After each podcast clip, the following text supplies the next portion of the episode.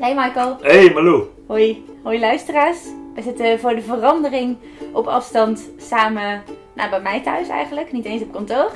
Want we hebben wat vragen voor jullie binnengekregen. Ja, leuke vragen. in een grabbeltonnetje gestopt. We gaan om en om die vragen behandelen. Ja, ben je klaar voor? Ik ben er klaar voor. Heel benieuwd. De eerste vraag. De eerste vraag is van Luna.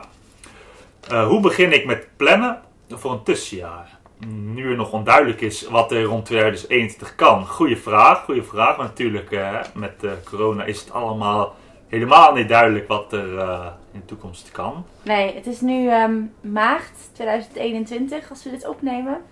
En ja, op dit moment is reizen natuurlijk nog niet heel, heel eigenlijk gewoon helemaal niet te doen. Dus ik kan me voorstellen dat als je nu een tussenjaar, als je nu in je eindexamenjaar bijvoorbeeld zit, wat ik even interpreteer uit Luna's vraag, dan zou je over een maand of drie, vier, dus aan je tussenjaar beginnen. Hoe, hoe ga je dat doen, Michael? Nou ja, wat ik altijd eh, meegeef is eh, don't stop eh, dreaming, start planning. Daarmee bedoel ik eigenlijk dat het buitenland dat loopt niet weg. En we gaan met z'n allen uit deze periode komen. Eh, wat je wel kunt doen is alvast heel goed nadenken over wat je nou precies wilt. In welk land wil je iets gaan doen? En wat hoop je daarmee te bereiken? Nou, zo kun je, je hebt daar nu alle tijd voor om daarover na te denken. En eh, door eh, zo goed mogelijk een plaatje te schetsen, kan je daarna met dat plaatje naar bijvoorbeeld organisaties die je kunnen helpen om bijvoorbeeld jou, eh, als je vrijwilligerswerk zou willen doen, jouw vrijwilligerswerk Ja. te realiseren, kan je dat voorleggen en dan kunnen ze jou zo goed mogelijk daarbij helpen. Dus ik zou deze tijd vooral gebruiken om eh, ja, jouw, eh, jouw droombaan als het ware alvast eh, op papier te zetten. Yes, en ik denk dat het ook goed is om in gedachten te houden dat zo'n buitenlandervaring, dat, dat lijkt soms alsof je gewoon een ticket boekt en vertrekt. Maar er gaat wel wat denk- en regelwerk aan vooraf. Dus we zeggen ook altijd van een maandje of twee, drie nemen om überhaupt te plannen. Zelfs als de grenzen open zijn en alles vlotjes verloopt. Dus ik denk eh, nou ja, dat, dat het inderdaad een mooi moment is om eh, te starten met plannen en vooral door te dromen. En dan straks gaat dat eh, helemaal goed komen. Ja, houd hoop Luna. Yes. Volgende vraag Let's go! is een vraag van Teun. En Teun, oh, dat is leuk. Hij vraagt: Wat hebben jullie overgehouden aan jullie eigen buitenlandervaring? Dat is zeker een leuke vraag. Teun, dankjewel. Poeh, ehm, ja, ik denk dat we, als wij het over onze buitenlandervaringen gaan hebben, zijn we wel een tijdje bezig. Dus ik denk dat we dat aan een andere aflevering misschien overlaten. Eh, maar als jij nou één ding zou moeten noemen, Michael. Jij hebt eh, ja, in het buitenland gewoond. Eh, buiten Europa zelfs nog. Zeker. Ik heb eh, bijvoorbeeld een half jaar eh, in, in China gestudeerd. En China is natuurlijk een totaal andere wereld. En wat me daar eigenlijk opviel is hoe groot de, de cultuurverschillen kunnen zijn tussen mensen. Maar tegelijkertijd ook hoe dicht je bij elkaar staat als mens. En hoeveel je van elkaar kunt leren. Eh, dat is mij wel echt heel erg bijgebleven. En doe je nu dan ook dingen anders Eh, in je nou, leven terug in Nederland? Ik eet nu bijvoorbeeld eh, sushi met stokjes. ik kan super goed met stokjes eten. Super goed met stokjes eten. Oké. Ehm, wat ik overgehouden heb aan mijn buitenlandervaring. Nou ja, wat ik al zei, ik heb echt lang in het buitenland gewoond. Vooral in Noorwegen, vijf jaar. Eh, heb ik gestudeerd, gewerkt, taalkursus gedaan. Vrijwilligerswerk gedaan zelfs. En eigenlijk wat Michael ook zei, dat... nou, wat ik heel interessant vond is... Ik was nooit zo'n fan van Engels. Ik vond het een stom vak. Ik snapte het niet. Ik was er gruwelijk slecht in. En als je dan naar het buitenland gaat, dan blijkt Engels opeens zo'n verbindende factor waarmee je zeg maar met de mensen kan communiceren. Want ik sprak toen geen Noors en dan was het echt van ja shit, hoe ik wil wel gewoon komen waar ik wil komen en doen wat ik wil doen.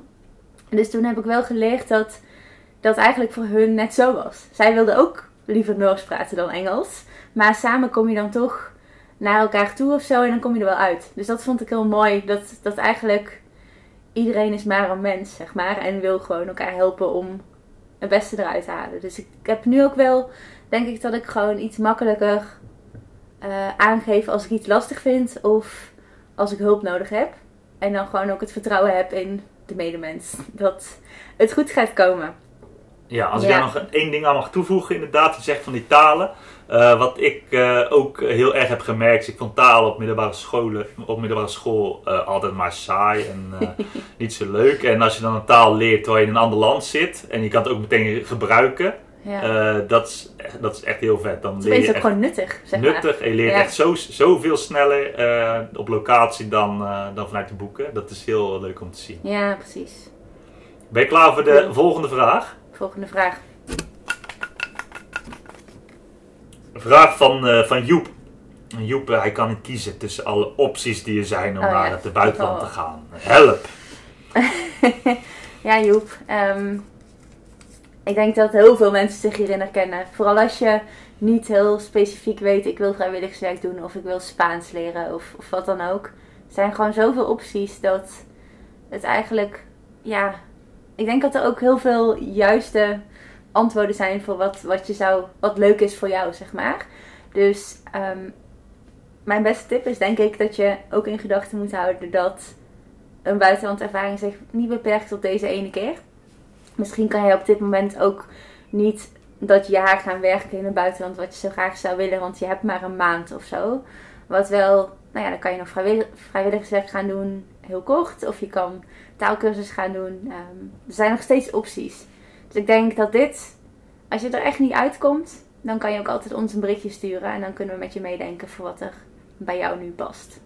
Denk ik. Ja, dat, eh, dat, eh, dat vind ik ook. En eh, ja, net als we bij Luna antwoorden, nu is eigenlijk de tijd. Ja. Hè, je zit veel thuis om eens goed na te denken over wat je precies zou willen. Ja, En eh, ja, gebruik daar eh, het magische eh, woord internet voor natuurlijk. Want daarop kan je een heleboel inspiratieverhalen vinden van andere jongeren die al van alles hebben gedaan. Bijvoorbeeld op onze website. En ja, gewoon kijk om je heen, lees. En, ja. Wat ontdek wat je leuk vindt. ja, Precies. En, en nou ja, er is geen goed of fout. Ik denk dat, zeker niet. Nee. dat er elke bui- buitenlandervaring uiteindelijk leuk is. Op dat moment tenminste. Goed, volgende vraag. Yes. Volgende vraag. Mo, een vraag van Mo. Is het nog steeds mogelijk om in tijden van corona, dus nu, vrijwilligerswerk te doen? Ik denk dat hij dan Europees vrijwilligerswerk bedoelt. Dus dat is ehm, ja, iets georganiseerder met projecten die subsidie krijgen. Dus dat je helemaal gratis naar het buitenland kan. Ehm starten die projecten nog, Michael? Eh, die starten zeker nog. Er zijn natuurlijk, eh vrijwilligerswerk is heel breed en er zijn ook genoeg mogelijkheden waarbij je vrijwilligerswerk op afstand kunt doen. Er zijn zelfs mogelijkheden waarbij je digitaal vrijwilligerswerk kunt doen. Ja. En ja, zeker in deze tijden zijn er gewoon een hele hoop mensen die hulp nodig hebben. Mm. En ehm, ja, ook via Europees vrijwilligerswerk kun je daar vaak een steentje aan bijdragen. Wat ik eigenlijk zou willen adviseren is, ja, zoek even op European Solidarity Corps. Eh, daar heb je een, eh, dat is een programma waarmee je vrijwilligerswerk kan doen. En daar heb je ook een database met allerlei verschillende projecten die binnenkort gaan starten. Ja, en als je even, sorry hoor, eventjes tussendoor, want op onze site, als je daar naar vrijwilligerswerk gaat, staat ook European Solidarity Corps. Als je nu denkt van, goh, wat zegt hij? Ja, Daar eh, kan je het terugvinden. Ehm, met inderdaad een hele database van projecten. En ik denk dat het wel leuk is om te horen dat, kijk, corona duurt nu al een jaar. Ehm, hoe lang het nog duurt, hopelijk geen jaar, maar we weten het niet. Wat we wel weten is dat er verschillende jonge, jongeren de afgelopen maanden wel zijn vertrokken om vrijwilligerswerk te gaan doen. Want vaak ga je zo'n project toch wel voor een half jaar tot een jaar doen. En ehm, is er dus ook genoeg tijd om in quarantaine te gaan of je gewoon aan te passen ehm, en mee te gaan met het leven daar. Het is niet zo makkelijk om even tussendoor terug naar huis te komen, wat het misschien ja, lastiger maakt om te beslissen. Maar we merken wel dat, dat zulke vrijwilligersprojecten gewoon doorgaan en dat het ook een soort van extra ervaring geeft. Want het is wel echt heel vet als je nu iets nieuws kan doen, kan ik me voorstellen. Ik zou best wel eh, weg willen. Maar ja. nee, dus ehm goede tip van Michael inderdaad. Kijk even naar die European Solidarity Corps projecten. Die gaan door. Daarnaast is het denk ik ook een goede tip om gewoon altijd te communiceren met de plek of de organisatie waar je naartoe gaat. Als jij je niet fijn voelt bij nu vertrekken, dan ehm, zal iedereen daar begrip voor hebben. En dan komen jullie samen tot een oplossing. Dus nou ja, dat is helemaal niet raar, denk ik. Uh, nee. Nog een vraag? Nog een vraag. Laat het nog eentje doen. Yes. Nicky, vraag van Nicky. Nicky is geboren in 2002 en wil graag meedoen aan hashtag DiscoverEU. Yep. Uh, door corona werd mijn ronde uitgesteld. Wanneer is de volgende en kan ik nog meedoen? Misschien is het handig om even kort te vertellen wat Discover EU is. Ja, Discover EU is een initiatief van de Europese Commissie. Uh, waarbij eigenlijk het idee is dat alle 18-jarigen uit Europa een uh, treinticket ontvangen.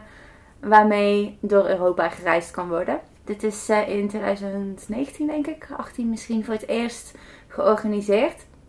Um, en eigenlijk is het gewoon een, een, wedstrijd waarbij je dus treintickets kan winnen. Uh, en dan kan je van een dag tot een maand, geloof ik, door Europa gaan treinen. Uh, allemaal plekken bezoeken, andere landen zien. En um, in 2020 zou er in maart zou gewoon weer een ronde plaatsvinden. Die is toen ja, last minute geannuleerd. Um, en omdat het dus is voor iedereen die 18 is, uh, ja, is iedereen die vorig jaar, 2002, dus 2002 geboren, dan werd ze, vorig jaar werd ze dan 18. Mhm. Um, zij zouden vorig jaar kans maken, maar die rondes zijn niet doorgegaan. Um, nou ja, wat wij weten, want wij uh, als Go Europe zijn eigenlijk de tussenpersoon tussen de Nederlandse jongeren en de commissie. Dus wij hebben deze tickets niet, het is ook geen wedstrijd van ons.